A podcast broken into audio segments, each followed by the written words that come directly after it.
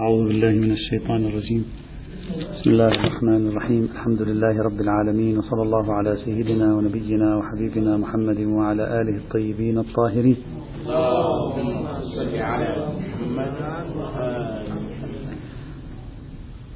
انتهينا بحمد الله تعالى من الحديث عن مجموعة من القواعد التي قلنا بأن ذات صلة آه، قريبة بموضوع بحثنا. تكلمنا عن قاعدة أو مبدأ الحرابة في مقابل مبدأ السلم. تكلمنا عن مبدأ الكرامة الإنسانية وتكلمنا عن مبدأ العدالة وتكلمنا عن مبدأ الإحسان. وانتهينا أخيرا إلى مبدأ آه، قاعدة العلو أو قاعدة نفي السبيل التي ختمناها في الأمس. المبدأ الجديد الذي سوف نتكلم عنه إن شاء الله تعالى هو مبدأ تأليف القلوب. سوف أذكر تمهيدا أشرح فيه الفكرة ما معنى تأليف؟ ماذا نقصد من هذا المبدأ؟ وما هي الدعوة التي يدعيها هذا المبدأ لكي يكون البحث على ضوء هذه الدعوة؟ مقصود من هذا المبدأ أن أحد الأصول الأساسية الأصل في التعامل مع غير المسلم بصرف النظر عن الاستثناءات. الأصل في التعامل مع غير المسلم هو التعامل الذي يستجلب القلوب. التعامل الذي يجعل قلبه لينا تجاه المسلمين. في مقابل تعامل يجعل قلبه قاسيا غاضبا صداميا متنفرا ما شئت فعل. وليس هذا المبدأ هو مبدأ الدعوة إلى الإسلام ها؟ نحن لا نتكلم عن دعوة الإسلام. ما, ما يهمنا سيسلم أو لن يسلم. نفس أن نفوس غير المسلمين تصبح لينة مع المسلمين تصبح غير متنفرة من المسلمين هو هذا مبدأ. هذا الادعاء الآن الادعاء نفس أن غير المسلم رؤيته انطباعه روحه نفسه قلبه مع المسلم متكيف لين ليس نافرا ليس منزعجا. هذا مبدأ. الآن سواء كان من وراء هذا اللين الذي سيحدث في قلبه سوف أجره إلى الدعوة إلى الإسلام أو لا؟ هذا بحث آخر. حتى لو كنت يائسا أصلا من إسلامي أنا لا أريد إسلامه. أريد مرحلة من مراحل ارتقائه الروحي إذا صح التعبير. وهي أن لا يكون نافرا من المسلمين والمؤمنين. أن لا يكون قاسي القلب تجاههم أن لا يكون صداميا معهم. فأنا سلوكي معه سمخ سلوك يجعله في سلوكه معي لينا. نعم حتى لو ما كان حتى لا نخلط بين هذا المبدأ وبين مبدأ الدعوة الإسلامية وبين مبدأ الأمر بالمعروف والنهي عن المنكر. ادعاء هذا المبدأ هكذا أن المسلمين مطالبون إلا ما خرج بالدليل. إلا ما خرج بالدليل. أن تكون علاقاتهم مع غيرهم سنخ علاقات تجعل الغير من خلال سلوكهم لينا معهم منفتحا عليهم تواصليا معهم مرتاح القلب تجاههم ليس نافرا منهم ليس تصادميا معهم. وإذا كان تصادميا فبيكون بتقصير منه. ما لنا علاقة فيه. هذا أصل الدعوة هكذا. أصل الفكرة التي نريد أن نبحثها هل يوجد في الإسلام مفهوم من هذا القبيل أو لا؟ هل أنا أكون قد حققت مطلبا إسلاميا مقصدا إسلاميا؟ إذا جعلت غير المسلم على هذه الناحية دون أن أتنازل عن أي تشريع إسلامي. وهذا قيد لبي. قيد لبي متصل. لا علاقة. إذا هو يتنفر من كوني أضع الحجاب كامرأة براحتي يتنفر ما لي شغل معه. إذا هو يتنفر من كوني, كوني أتنفر من الخمر يتنفر ما له شغل معه. أنا أتكلم في غير دائرة التزام الدين. هل الأصل في سائر أنواع سلوكي معه أن أجعله لينا تجاه المسلمين أو الأصل في سلوكي معه أن أجعله منقبضا منكمشا نافرا قلقا؟ ما شئت فعبر. التعابير قاصرة عن أن تساعدني في الاستخدام. أريد أن أوصل الفكرة. إذا هذا موضوع آه، موضوع الدعوة. سآخذ مثالا مسلم له جار غير مسلم. مثل في بلد مسلم أو في خارج بلاد المسلمين أينما كان. مسلم لديه جار غير مسلم. ما هو المطلوب من المسلم الذي لديه جار غير مسلم؟ أن إذا سافر عن البلد هذه يذكره جاره بخير؟ جاره غير المسلم. يترحم عليه إذا مات؟ يقول ما شاء الله ونعم السلوك ونعم التربية نعم ما رباهم عليه نبيهم. لا أنا لست مؤمنا لا بالإسلام ولا بأي شيء. لكن لنعم ما تربية تربية هؤلاء لنعم هذا السلوك في تعاملهم. هكذا. انطباعه يكون إيجابيا. هل هذا مقصد في الدين؟ أو لا. الأصل في الانطباع أن يكون دائما خائف مني. بحيث رآني هو منقبض. أنا أريد أن ألقي الرهبة في قلبه. ألقي النفرة أواجهه بوجه عبوس مكفهر بحيث يشعر هو دائما أنه كأنما مرفوض. أي الأصل؟ كلا الاحتمالين محتملة أن يكون أصل. كلاهما محتمل يكون أصل في السياسة الإسلامية يعني في سياسة التعامل مع الآخرين بحسب توجيه الإسلام. أيهما برأيكم؟ يمكن أن يكون هو الأصل ويستثنى منه كذا وكذا. هل اللين تأليف قلبه هذا معنى تأليف القلب الذي أقصده هنا. أو بالعكس الرهبة ووضع حاجز بيني وبينه وجعله في موقع المنقبض المنكمش. هذا محل البحث هنا. أيه الأفضل للجار المسلم أن يفعله مع جاره؟ بصرف النظر عن خصوصية الجيرة أو الجار. لا يشك اثنان من علماء المسلمين في أنه لو كان هذا اللي هو غير مسلم محاربا بمعنى يعلن الحرب بالفعل على المسلمين ويشارك في محاربة المسلمين ومعاداة المسلمين لا شك في أن القاعدة فيه الشدة أشداء على الكفار رحماء بينهم. مقدارها المتيقن هذا لا شك. أنت جالس وجارك هو عبارة عن ضابط استخبارات صهيوني يشارك في قتل المؤمنين ويشارك في التنكيل بالمؤمنين وفي التخطيط لإضعاف المسلمين. لا شك أن القاعدة هنا هي أن تكون صامدا قويا مواجها بينك وبينه حاجز وربما لا تبتسم له على الإطلاق. هذا مقدار متيقن لا نتكلم فيه هنا إنما نتكلم في من لم يتلبس بحرابة المسلمين وبخصومة المسلمين وبالكيد على المسلمين سواء كان ذميا بالمفهوم الفقهي أم كان معاهدا بالمفهوم الفقهي أو كان مستأمنا بالمفهوم الفقهي؟ يعني الإجارة الاستجارة. أو كان شخص أصلا خارج إطار هؤلاء أصلا. لا ليس بيننا وبينه شيء لكنه لا يحاربنا. أجنبي عن هذا الموضوع إطلاقا. هذا محل بحثنا والحالة الأصلية في تعاملنا. هذا الموضوع بحدود تتبعي في الكتب الفقهية الكلاسيكية ليس له يعني إمامية نتكلم. ليس له مكان يبحث فيه عادة يعني كقاعدة كأصل. ما هي السياسة العامة؟ أحيانا مثلا تأتي رواية أن النبي كان ذاك الكافر ذاك اليهودي يضع أمامه بعض يعني القاذورات فكان النبي عندما مرض ذلك اليهودي زار ذلك الكافر في بيته فذلك الكافر تأثر فأسلم. عادة ما نذكر هذه القصص في سياق الدعوة الإسلامية في سياق جذبه إلى الإيمان. الآن نريد أن نضعها لا في سياق الدعوة قد تنتج الدعوة وهذا من بركاتها لا بأس. لكن في سياق أصل التعامل. لذلك لم أجد في إذا الإخوة وجدوا لم أجد في حدود تبع موضعا يفردون له بالبحث قاعدة من هذا النوع. أصلا مسألة فقهية من هذا النوع. الأصل فيها هو التعامل بكذا وكذا مع كل من لم يتلبس بحرابة المسلمين والكيد على المسلمين ولكنه ليس بمسلم. وهذا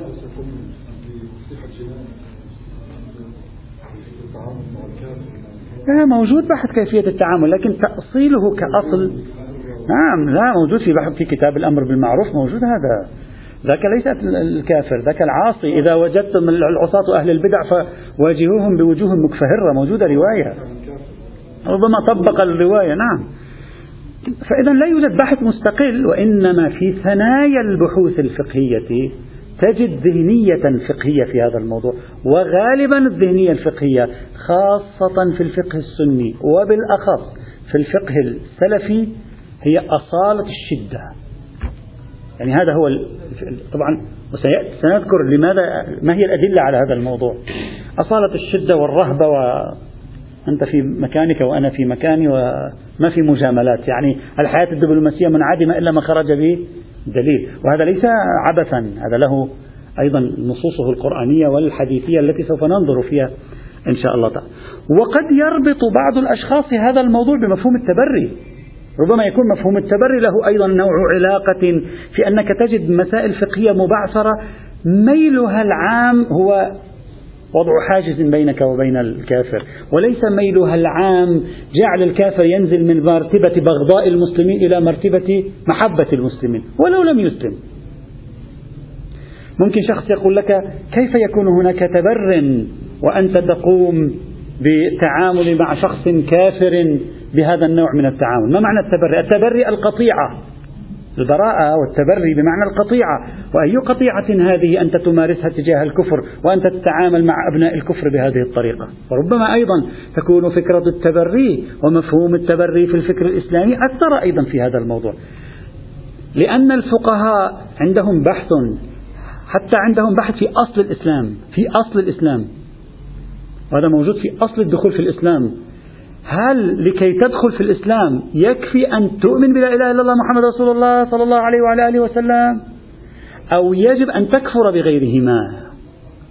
يعني تتبرى من غيرهما. بعض الفقهاء قالوا يجب أن تقول أشهد أن لا إله إلا محمد رسول الله وفي الوقت عينه تكفر بالمسيحية المحرفة واليهودية المحرفة وتكفر بالإلحاد وتكفر بالبوذية وتكفر بالهندوسية ولو كفرانا إجماليا. هذا موجود في الكتب الفقهية. لكن كثير من الفقهاء قالوا لا. يكفي لإحراز الدخول في الإسلام الجانب الولائي يعني أن تتولى الله ورسوله.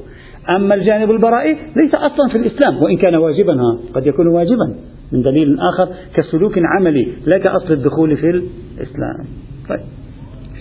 ولا أعني بذلك أن مفهوم تأليف القلوب أو مفهوم عدم تأليف القلوب ليس موجود في الفقه الإسلامي. أنا ما أنفيه أن هذا البحث ليس مستقلا بدراسة. وإنما له حضور في ثنايا كما سوف نشير إن شاء الله له حضور في ثنايا موضوعات فقهية متعددة. إنما ما أريد أن أقول بأنه ليس له حضور مستقل كقاعدة وأقوى حضور له كفكرة تأليف القلوب هو في باب الزكاة. المؤلف قلوبهم في باب الزكاة تجده. وحتى في باب الزكاة هناك سوف نرى إن شاء الله بعد قليل أن فكرة المؤلف قلوبهم التي نحن في ذهننا أنها تدل على تأليف قلوب غير المسلمين. حتى هذه يوجد فقهاء مسلمون ومن مختلف المذاهب قالوا بأن المؤلف قلوبهم لا علاقة لهم بالكفار. أصلا المؤلف قلوبهم مسلمون. سيأتي.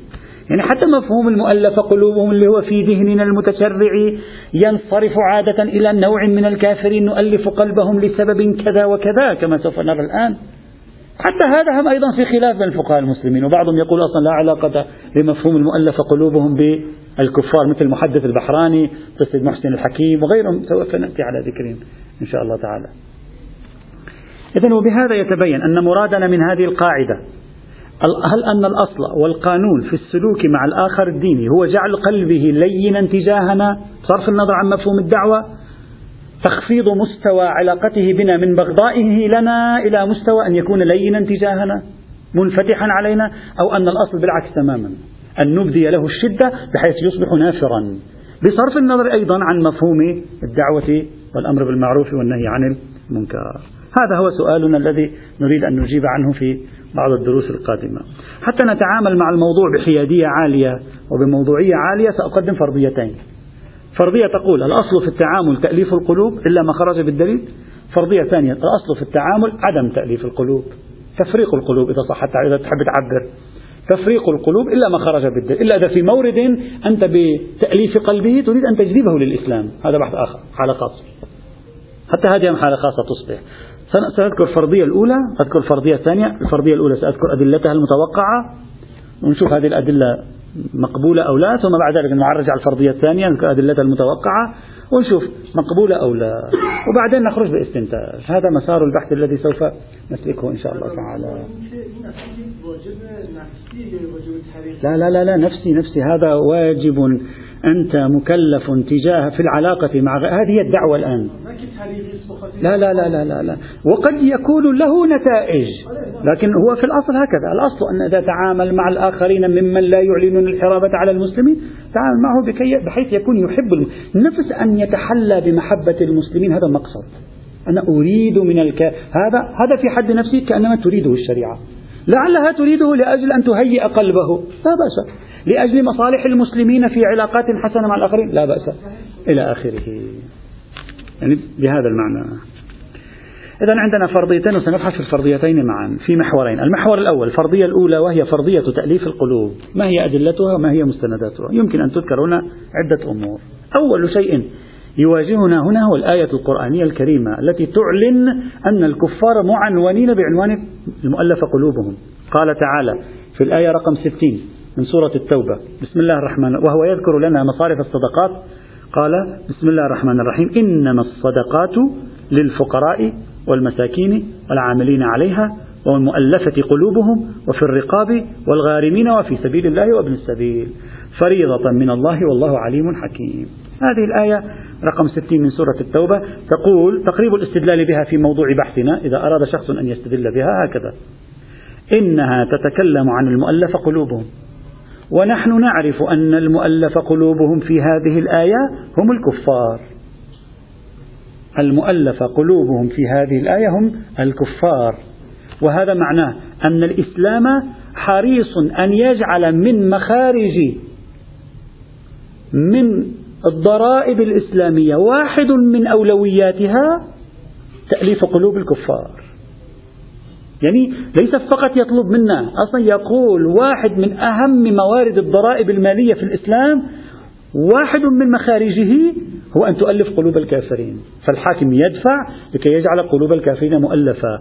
قريبة منا ليست قريبة من أعدائنا الذين يعلنون لنا العداء ليست بعيدة عنا. وهذا مبدأ. إذا تقريب الاستدلال هكذا. بتنقيح المناط بالدلالة المباشرة ما شئت فعبر. يفهم العرف أن الإسلام لديه اتجاه الكافرين سياسة تأليف القلوب مستعد لإخراج أموال المسلمين لا على المسلمين بل على الكافرين لتأليف قلوبهم. وهذا كاشف عن الإسلام يعتبر هذا سياسة هامة بالنسبة إليه. هذه هذا الآية وهذا تقريب الاستدلال بها.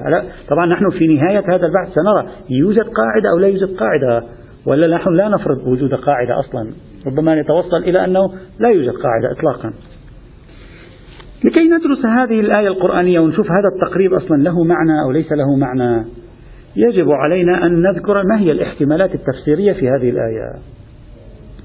الآن بحثنا شوية خلال يوم يومين سيكون تفسيريا فقهيا تاريخيا معا. توجد احتمالات في تفسير هذه الآية. إذا ذهبت إلى كلمات الفقهاء المفسرين تجد اضطرابا عجيبا. أقر به الفقهاء أنفسهم. هم الفقهاء أنفسهم قالوا وهذه المسألة فيها اضطراب عجيب غريب في كلمات الفقهاء بحيث لا تصل إلى نتيجة فيها. لأن الآية مجملة.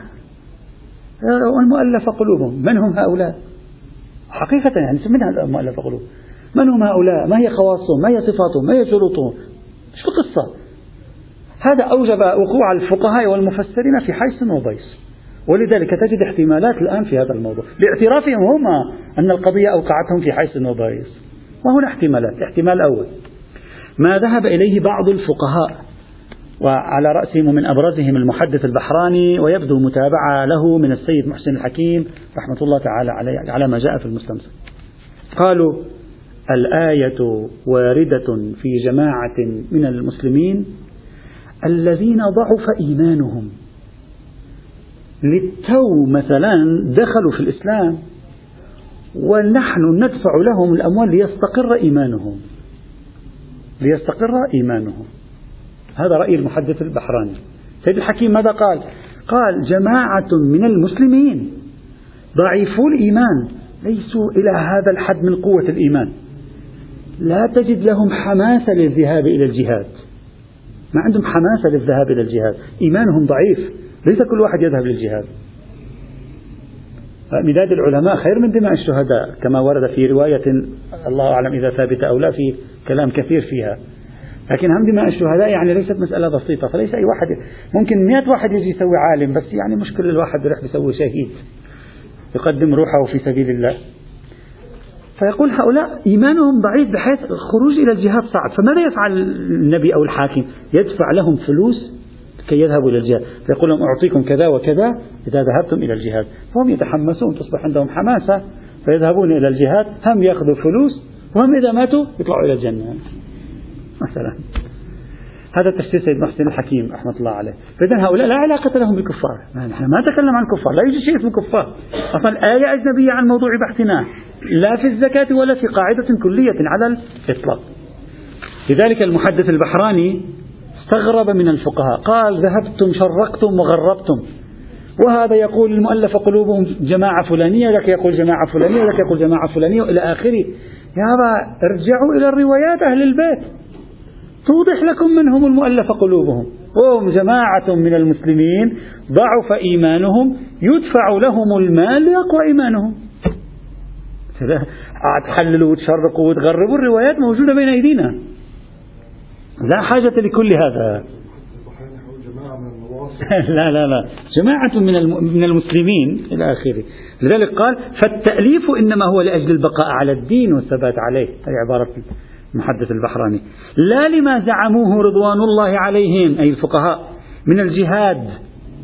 قضية لا علاقة لها بموضوع الجهاد أصلا. لا ربط لها بموضوع الجهاد إطلاقا. في المجلد الثاني عشر من كتاب الحدائق الناظرة صفحة 177 إذا هذا المعنى خلص تسكر الآية نروح إلى آية ثانية خلص الموضوع. خارج عن محل بحثنا. ما هي الروايات العمدة التي الآن هو ما قدم لنا دليل من نفس الآية لأنه هو قال ما في شيء من نفس الآية.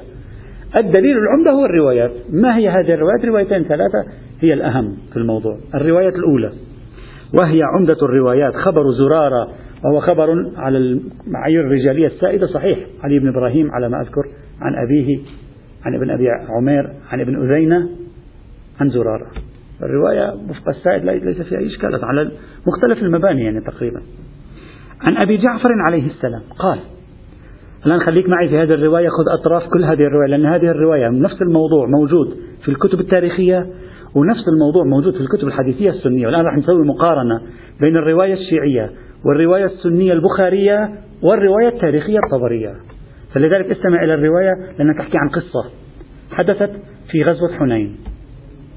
قال سألته عن قول الله عز وجل والمؤلفة قلوبهم. قال الإمام الباقر عليه السلام هم قوم يعرف في مقام التعريف والتعريف كأنما يفيد الحصر. هم قوم وحدوا الله عز وجل وخلعوا عبادة من يعبد من دون الله وشهدوا أن لا إله إلا الله وأن محمد رسول الله صلى الله عليه وعلى آله وسلم. وهم في ذلك شكاك في بعض ما جاء به محمد صلى الله عليه وآله. هم ليس عندهم شك فيه لهم شك في بعض ما جاء به. يعني بعض ما جاء به لديهم في نفسهم شيء تجاهه. فأمر الله عز وجل نبيه صلى الله عليه وآله وسلم أن يتألفهم بالمال والعطاء يعطيهم. لكي يحسن إسلامهم ويثبتوا على دينهم الذي دخلوا فيه وأقروا به. انتهينا. وإن رسول الله صلى الله عليه وعلى آله وسلم يوم حنين تألف رؤساء العرب من قريش حنين إخوان الأعزاء جاءت بعد فتح مكة. بعد فتح مكة. رؤساء العرب من قريش كلهم صاروا في الإسلام. طلقاء ولا غير طلقاء؟ صاروا في الإسلام. لأن نتكلم الآن عن رؤساء قريش المسلمين الآن أبو سفيان وغير أبو سفيان. وأن وإن رسول الله يوم حنين تألف رؤساء العرب من قريش وسائر مضر.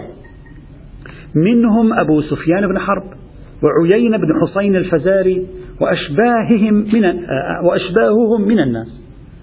فغضبت الأنصار. النبي أعطى هؤلاء في غزوة حنين كميات هائلة من الأموال. يعني حتى على النفر مئة إبل في بعض المرويات. مئة من الإبل على النفر من هؤلاء القوم. وجوه العرب. كل واحد مئة إبل مئة إبل ليس أمرا بسيطا. الأعراب قالوا نحن قاتلنا ونحن هؤلاء شو فعلوا هؤلاء. طلقاء آه، أولاد الكفار. والطلقاء آبائهم كفار. هؤلاء يأخذون مئة من الإبل كل واحد منهم. أرقام هائلة من الأموال. نحن الأنصار. قاتلنا صرنا فترة طويلة نقاتل. كيف هذا يعني؟ دخل في نفسهم شيء. فغضبت الأنصار واجتمعت إلى سعد بن عبادة. الآن لاحظ أن سعد بن عبادة الآن مشارك معهم. فانطلق بهم إلى رسول الله بالجعرانة منطقة. فقال يا رسول الله أتأذن لي في الكلام؟ فقال نعم. فقال إن كان هذا الأمر من هذه الأموال التي قسمت بين قومك. لاحظ الآن الحمية بين قومك. زعماء قريش والقبائل التي في منطقتك. غضب الأنصار. إن كان هذا الأمر من هذه الأموال التي قسمت بين قومك شيئا أنزله الله رضينا. إذا هذا نزل عليك وحي؟ سمعا وطاعة وإن كان غير ذلك لم نرضى. إذا كان هذا شيء من عندك أنت أنت هكذا شخصت الموضوع فيه كلام. لنا فيه رأي. وهذا طبعا ليس أول مرة هذا الحوار يحدث. حوارات من هذا النوع مع النبي متكررة في جملة من الروايات التاريخية يعني. في معركة الأحزاب أيضا حوار مثل هذا حصل. قال زرارة وسمعت أبا جعفر عليه السلام يقول فقال رسول الله يا معشر الأنصار أكلكم على قول سيدكم سعد؟ فقالوا سيدنا الله ورسوله. يعني ليس سعد. ثم قالوا في الثالثة نحن على يعني بعد ما قالوا سيدنا الله ورسوله قال نحن على مثل قوله ورأيه. رأينا رأيه. طبعا لا الرواية لا تشرح ماذا فعل النبي ماذا قال النبي ما, ما تكمل القصة. تقول قال زرارة فسمعت أبا جعفر عليه السلام يقول عليه السلام يقول فحط الله نورهم. أي أنزل من نورهم كان لهم نور فحط الله نورهم. وفرض الله للمؤلفة قلوبهم سهما في القرآن. يعني لكي يعني حط نورهم ثم بعد ذلك لكي يؤكد ما فعله النبي أنزل بعد ذلك سهما في القرآن الكريم. ولو كان موجود السهم في القرآن ما إجوا سألوه؟ وكان قال لهم هذه آية قرآنية. هذا يريد أن يقول بأن الآية نزلت بعد ذلك كأنما ضد ما فعل الأنصار. يعني بالمضادة فيما فعل الأنصار نزله في القرآن الكريم لكي يقول لهم ما فعل النبي لم يكن خطأ أو اشتباها. وما حق لكم أن تفعلوا مع رسول الله هذا؟ هذه الرواية. إذا الرواية الآن تأمل فيها. في في البداية ظاهرها التعريف بمن هم المؤلف قلوبهم. والمؤلف قلوبهم موحدون مؤمنون مؤمنون بالرسالة. لهم شك في شيء من ما جاء به النبي صلى الله عليه وآله. هذه القصة. وهذا عمدة الروايات المهمة في المقام. طبعا هذه القصة أي حادثة وقائع ما بعد حنين. نقلتها الروايات التاريخية نقلتها أيضا الروايات السنية في كتب الحديث وعلى رأسها ما ورد في صحيح مسلم والبخاري. لكن بينها وبين الرواية الشيعية اشتراك أحيانا واختلاف أحيانا أخر. وشوف أنت سبحان الله ثلاث روايات لحادثة واحدة شوف كل واحد كيف, كيف أخبرنا بها. ثلاث روايات لحادثة واحدة من ثلاث جهات شوف كل واحد كيف كيف نقلها لنا. بينها قواسم مشتركة وبينها اختلافات. هذا هذه الرواية يؤيدها رواية البخاري. رواية البخاري تؤيد رواية زرارة في أن المؤلف قلوبهم هم قوم من المسلمين. لا علاقة لها بالكفار أصلا فما لها علاقة بالموضوع. رواية البخاري يرويها عن أنس بن مالك قال قال ناس من الأنصار حين أفاء الله على رسوله ما أفاء من أموال هوازن. ما هي معركة حنين مع هوازن أيضا. هي نفسها. فطفق النبي يعطي رجالا المئة من الإبل. هذا يعطي مئة من الإبل وهذا مئة. أموال ما شاء الله. يلا إبل, إبل إلى آخره. فقالوا يغفر الله لرسول الله يعطي قريشا ويتركنا وسيوفنا وسيوفنا تقطر من دمائهم. طبعا يا عم يعطي قريش ونحن بعدنا السيوف ما زالت تقطر من دماء قريش. يعني يعني للتو انتهينا من قريش. للتو انتهينا من قريش. فدائما إذا أردت أن تقرأ التاريخ اقرأ من خلال هذه الروايات اللي هي من الزاوية. يعني إذا كنت سني اقرأ التاريخ من خلال هذه الروايات التي من هذه الزاوية. مش فقط من رواية آه، مدح الصحابة. حتى تكون عقلانيا في فهم الصحابة كيف كيف أنهم بشر كانوا. وكيف طريقة فهمهم للنبوة وفهمهم للوقائع. يغفر الله لرسول الله. يعني الله يسامحه. ومسلمين وشوف الرواية السنية رغم الله يسامحه هذه التي قيلت لرسول الله. شوف النبي في الرواية السنية والرواية التاريخية يلقي خطاب يصنفه السنة على أنه أكثر الخطابات المؤثرة في تاريخ النبي في تعاطفه مع الأنصار. يعني شوف كيف كل كل رواية من مكان. قال يغفر الله لرسول الله يغفر الله لرسول يعطي قريشا ويتركنا وسيوفنا تقطر من دمائهم. قال أنس فحدث رسول فحدث رسول الله بمقالتهم فأرسل إلى الأنصار فجمعهم في قبة من أدم ولم يدعو معهم غيرهم. حتى في بعض الروايات التاريخية كل ما يجي واحد مهاجر إلا أخرج. اطلع أنت بس أنا مع الأنصار يتكلم. فلما اجتمعوا قال النبي فقال قال قام النبي فقال ما حديث بلغني عنكم؟ شو القصة سمعت عنكم شيء. فقال فقهاء الأنصار فقهاء يعني مش مستنبطين أحكام شرعية يعني الفاهمين منهم أصحاب الوعي ورجاحة العقل منهم. أما رؤساؤنا يا رسول الله فلم يقولوا شيئا. لاحظ الآن الرواية الشيعية تقول بأن سعد بن عبادة موافق يعني رأس رؤوس الأنصار موافق. بينما في الرواية البخارية رؤوس الأنصار مخالفين. وأما ناس منا حديثة أسنانهم يعني صغار. فقالوا يغفر الله لرسول الله يعطي قريشا ويتركنا وسيوفنا تقطر من دمائهم. الآن في الرواية البخارية رؤوس الأنصار نزهوا عن عن المشكلة. صغار القوم هم الذين ارتكبوا هذا الخطأ يا رسول الله. طيب فقال النبي فإني أعطي رجالا حديثي عهد بكفر. شو معنى حديثي عهد بكفر يعني أمس أسلموا. إذا هذه الرواية البخارية تؤكد الرواية زرارة أن قضية المؤلفة قلوبهم لها ربط بمن؟ لها ربط بقوم لهم علاقة يعني حديث عهد بالإسلام. أتألفهم يعني أمارس معهم مؤلف قلوبهم أما ترضون أن يذهب الناس بالأموال وتذهبون بالنبي إلى رحالكم؟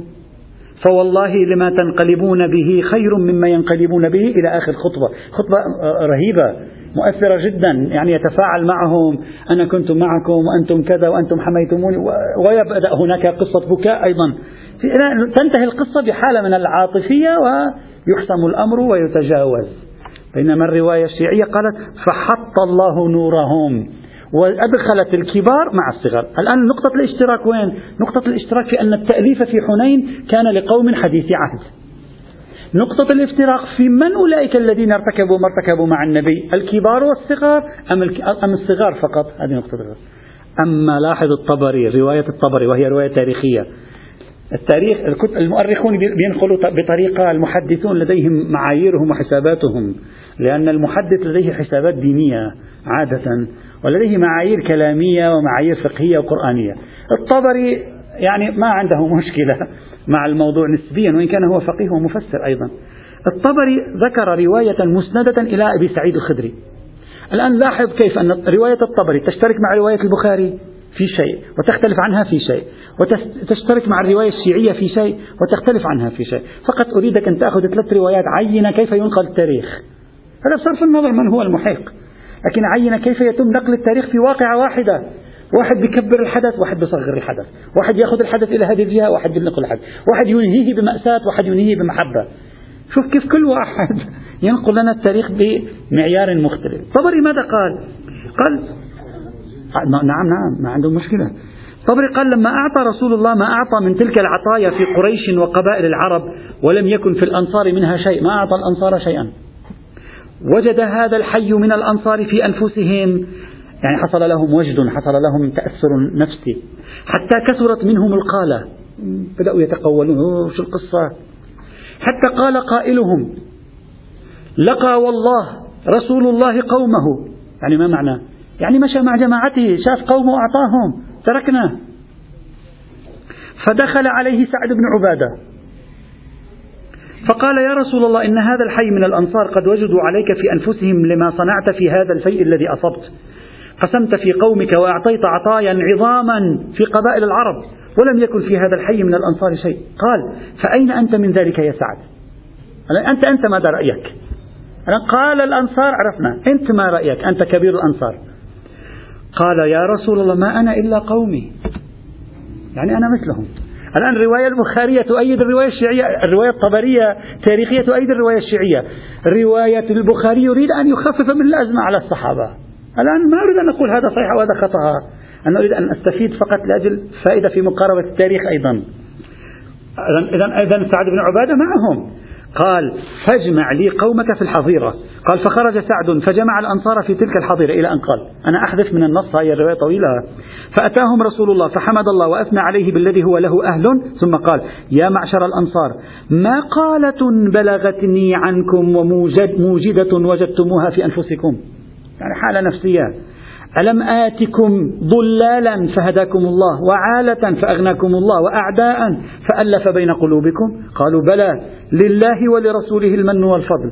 فقال وجدتم في أنفسكم يا معشر الأنصار في لعاعة من الدنيا تألفت بها قوما ليسلموا؟ ووكلتكم إلى إسلامكم. يعني صار عندكم انفعال نفسي وأذية نفسية لأمر هو زهيد في الدنيا اهتميت به لكي أعطيها لأشخاص للتو حديثي عهد بالإسلام. عفوا. ليسلموا ليسلموا. أعطيت لأشخاص ليسلموا.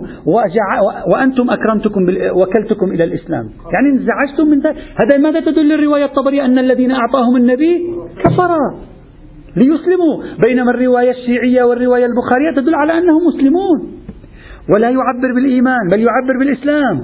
يقول ووكلتكم إلى إسلامكم. إذا لاحظ الاختلاف بين ثلاث روايات تاريخية سنية حديثية وشيعية حديثية. لأن الشيعية ما رأيت في مصادر تاريخية شيعية يعني شيء آه، واضح هنا. ثلاث روايات تشترك في مساحة تختلف في مساحة في موضوع أنهم مسلمون أو غير مسلمين. الرواية الطبرية تقول غير مسلمين الروايتين الأوليتين تقول مسلمين. في أنهم كل الأنصار أو بعضهم الرواية الطبرية تؤيد الرواية الشيعية والرواية البخارية على عكسها. فإذا الروايات الآن مختلفة متنوعة في الموضوع. لا لا أنا أنا لا أذكر إذا ليس في الطبري لا لا في الطبري وفي البخاري لا علاقة بموضوع آية الصدقات. فقط في الرواية الشيعية آية الصدقات تم ربطها بهذا. الآن سأعلق على موضوع الربط في الآية الشيعية. أما في الآية في الروايتين السنية والتاريخية لا يوجد أي إشارة. أنا لا أريد أن أفصل الرواية التاريخية عن السنية الطبري سني. يعني الحديثية السنية عن التاريخية أقصد يعني. لا توجد أي إشارة لكلمة المؤلفة قلوبهم. يقول ألفت قلوبهم. ما في أي إشارة أخرى في هذا الموضوع. بل قال وجدتم في أنفسكم يا معشر الأنصار يعني حصل عندكم وجد يعني عندكم انفعال نفسي في لعاعة من الدنيا تألفت بها قوما ليسلموا. ووكلتكم إلى إسلامكم. بعدين تكمل الخطبة هذه نفس الخطبة اللي هي التفاعل العاطفي اللي يحصل إلى آخره بينه وبين الأنصار. إذا هذه ريو... ثلاث روايات لحدث تاريخي واحد مشتركة في بعض الشيء مختلف في بعض الشيء والمشترك والمختلف مهم ليس يعني عبارة اختلاف عبارة بنسبة معينة. طيب هذه أصل القصة الآن بعدين سنعلق على الاستدلال بالرواية. في نقطة واحدة وهي سؤال يتصل بالرواية الشيعية. الرواية الشيعية تمتاز بين الروايات في أنها تربط الحادثة بقصة نزول آية الصدقات. لأن الرواية ماذا تقول؟ يقول فحط الله نورهم وفرض الله للمؤلفة قلوبهم سهما في القرآن. الآن هذه وفرض الله للمؤلفة قلوبهم ما معقول يكون وفرض الله للمؤلفة قلوبهم؟ يعني جملة مستأنفة. ولا علاقة لها بالحادثة لأنه إذا فرض الله للمؤلفة قلوبهم مالا هم ما اجوا الأنصار اعترضوا كانوا. الأنصار ما اجوا اعترضوا إذا كانت نازلة في القرآن. ما لو قال له مثلا هل قال له هل هذه منك أو من الله؟ من الله. الله يقول المؤلف قلوبهم. إذا قلنا فحط الله نورهم وفرض الله المؤلفه مرتبطين ببعض. يعني الفرض القرآني تابع كان كأنما هو شكل من أشكال الرد على الأنصار. إذا قلنا ذلك بيجي سؤال في ذهننا. أن مؤلف قلوبهم في القرآن لم تأتي إلا في باب الصدقات. فإذا بنينا كما هو المشهور؟ أن عنوان الصدقات في آية الصدقات خاص بالزكاة. فلا علاقة بين آية الزكاة والصدقات بموضوع البحث. هنا لا يوجد زكاة. هنا يوجد إما غنائم أو فيء بحسب الروايات. ولا توجد في آية تصريف الغنائم آية الخمس. ولا في آية تصريف الفيء في سورة الحشر على ما أظن.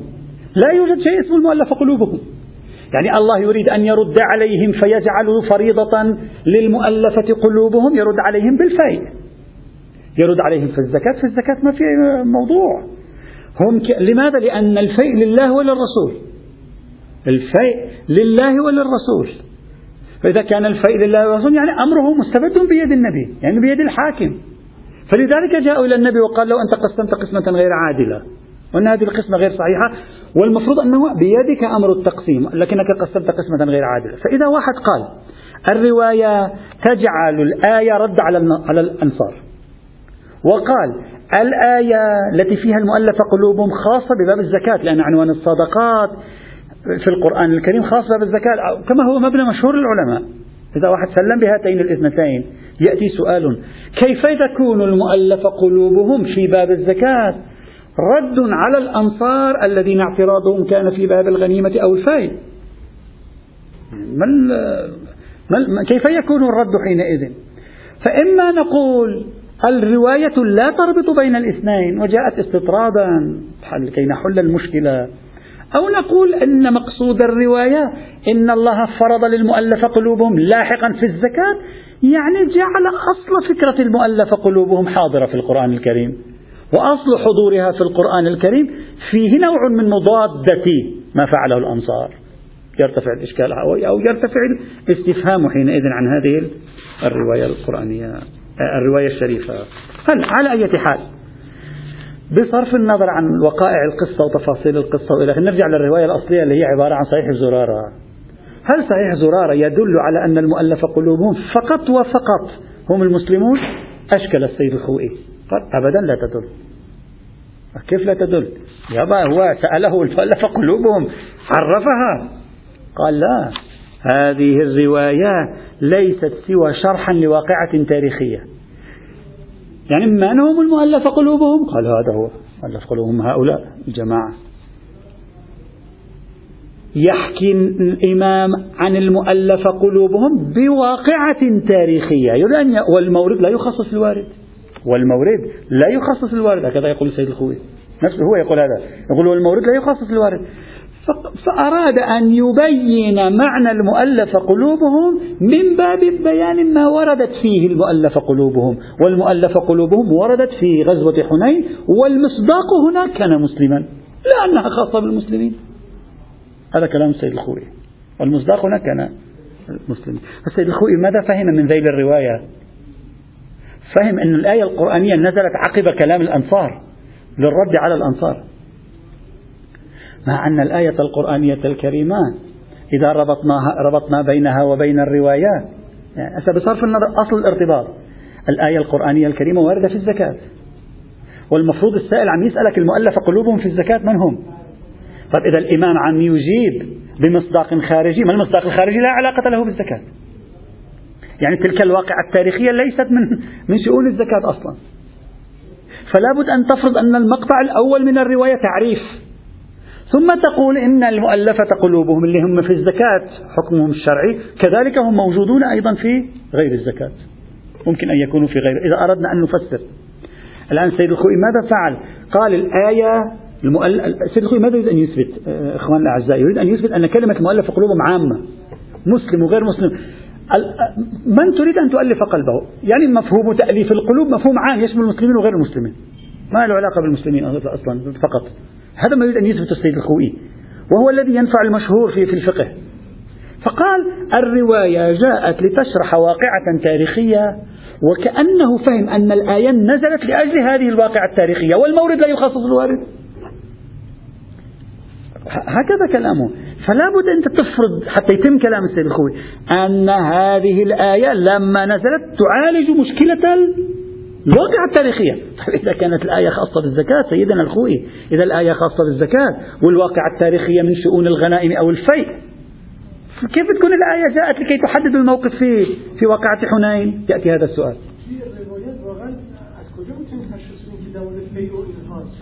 لا ليس من لا ليس زكاة.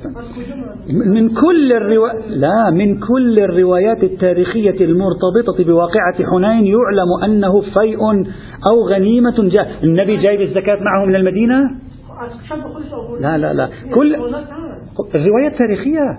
كل الروايات التاريخية التي تتكلم عن هذا يعني جايب معاه من المدينة عشرة ألاف إبل من إبل من إبل الصدقة وجارهم معاه إلى إلى يعني إلى الحج مثلا إلى مكة الحرب غزوة حنين قريب مكة.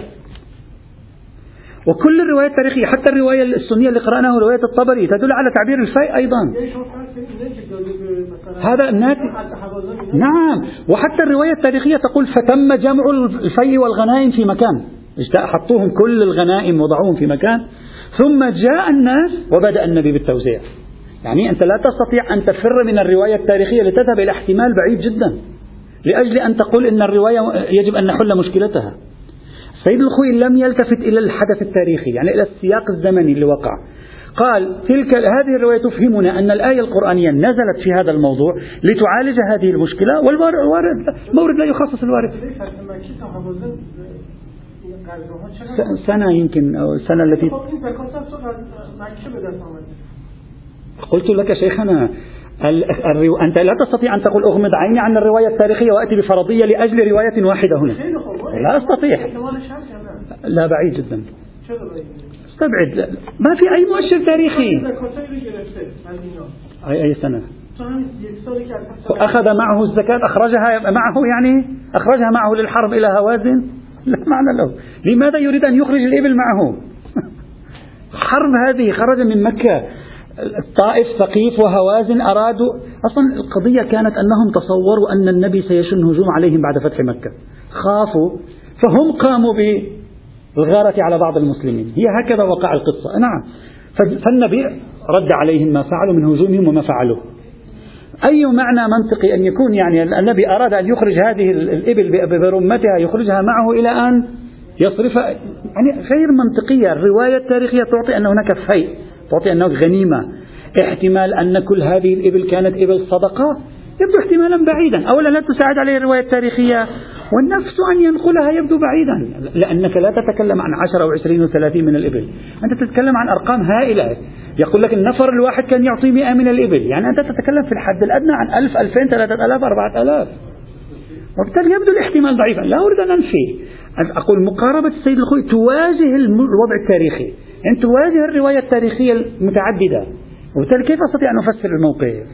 إلا يعمم السيد الخوي مفهوم آية الصدقات للفيء مع أن الفقهاء يقولون آية الصدقات للزكاة وآية الفيء لها مصاريفها ما عندنا آية ثانية في الفيء ليس فيها المؤلفة قلوبهم. وعندنا آية ثالثة في الغنائم ليس فيها المؤلفة قلوبهم. نعم مثلا القرآن حدد ثلاثة أنواع من المصارف. للغنائم حدد مصارف للفيء حدد مصارف. وللصدقات حدد مصارف وليس بينها تطابق وبينها اختلاف.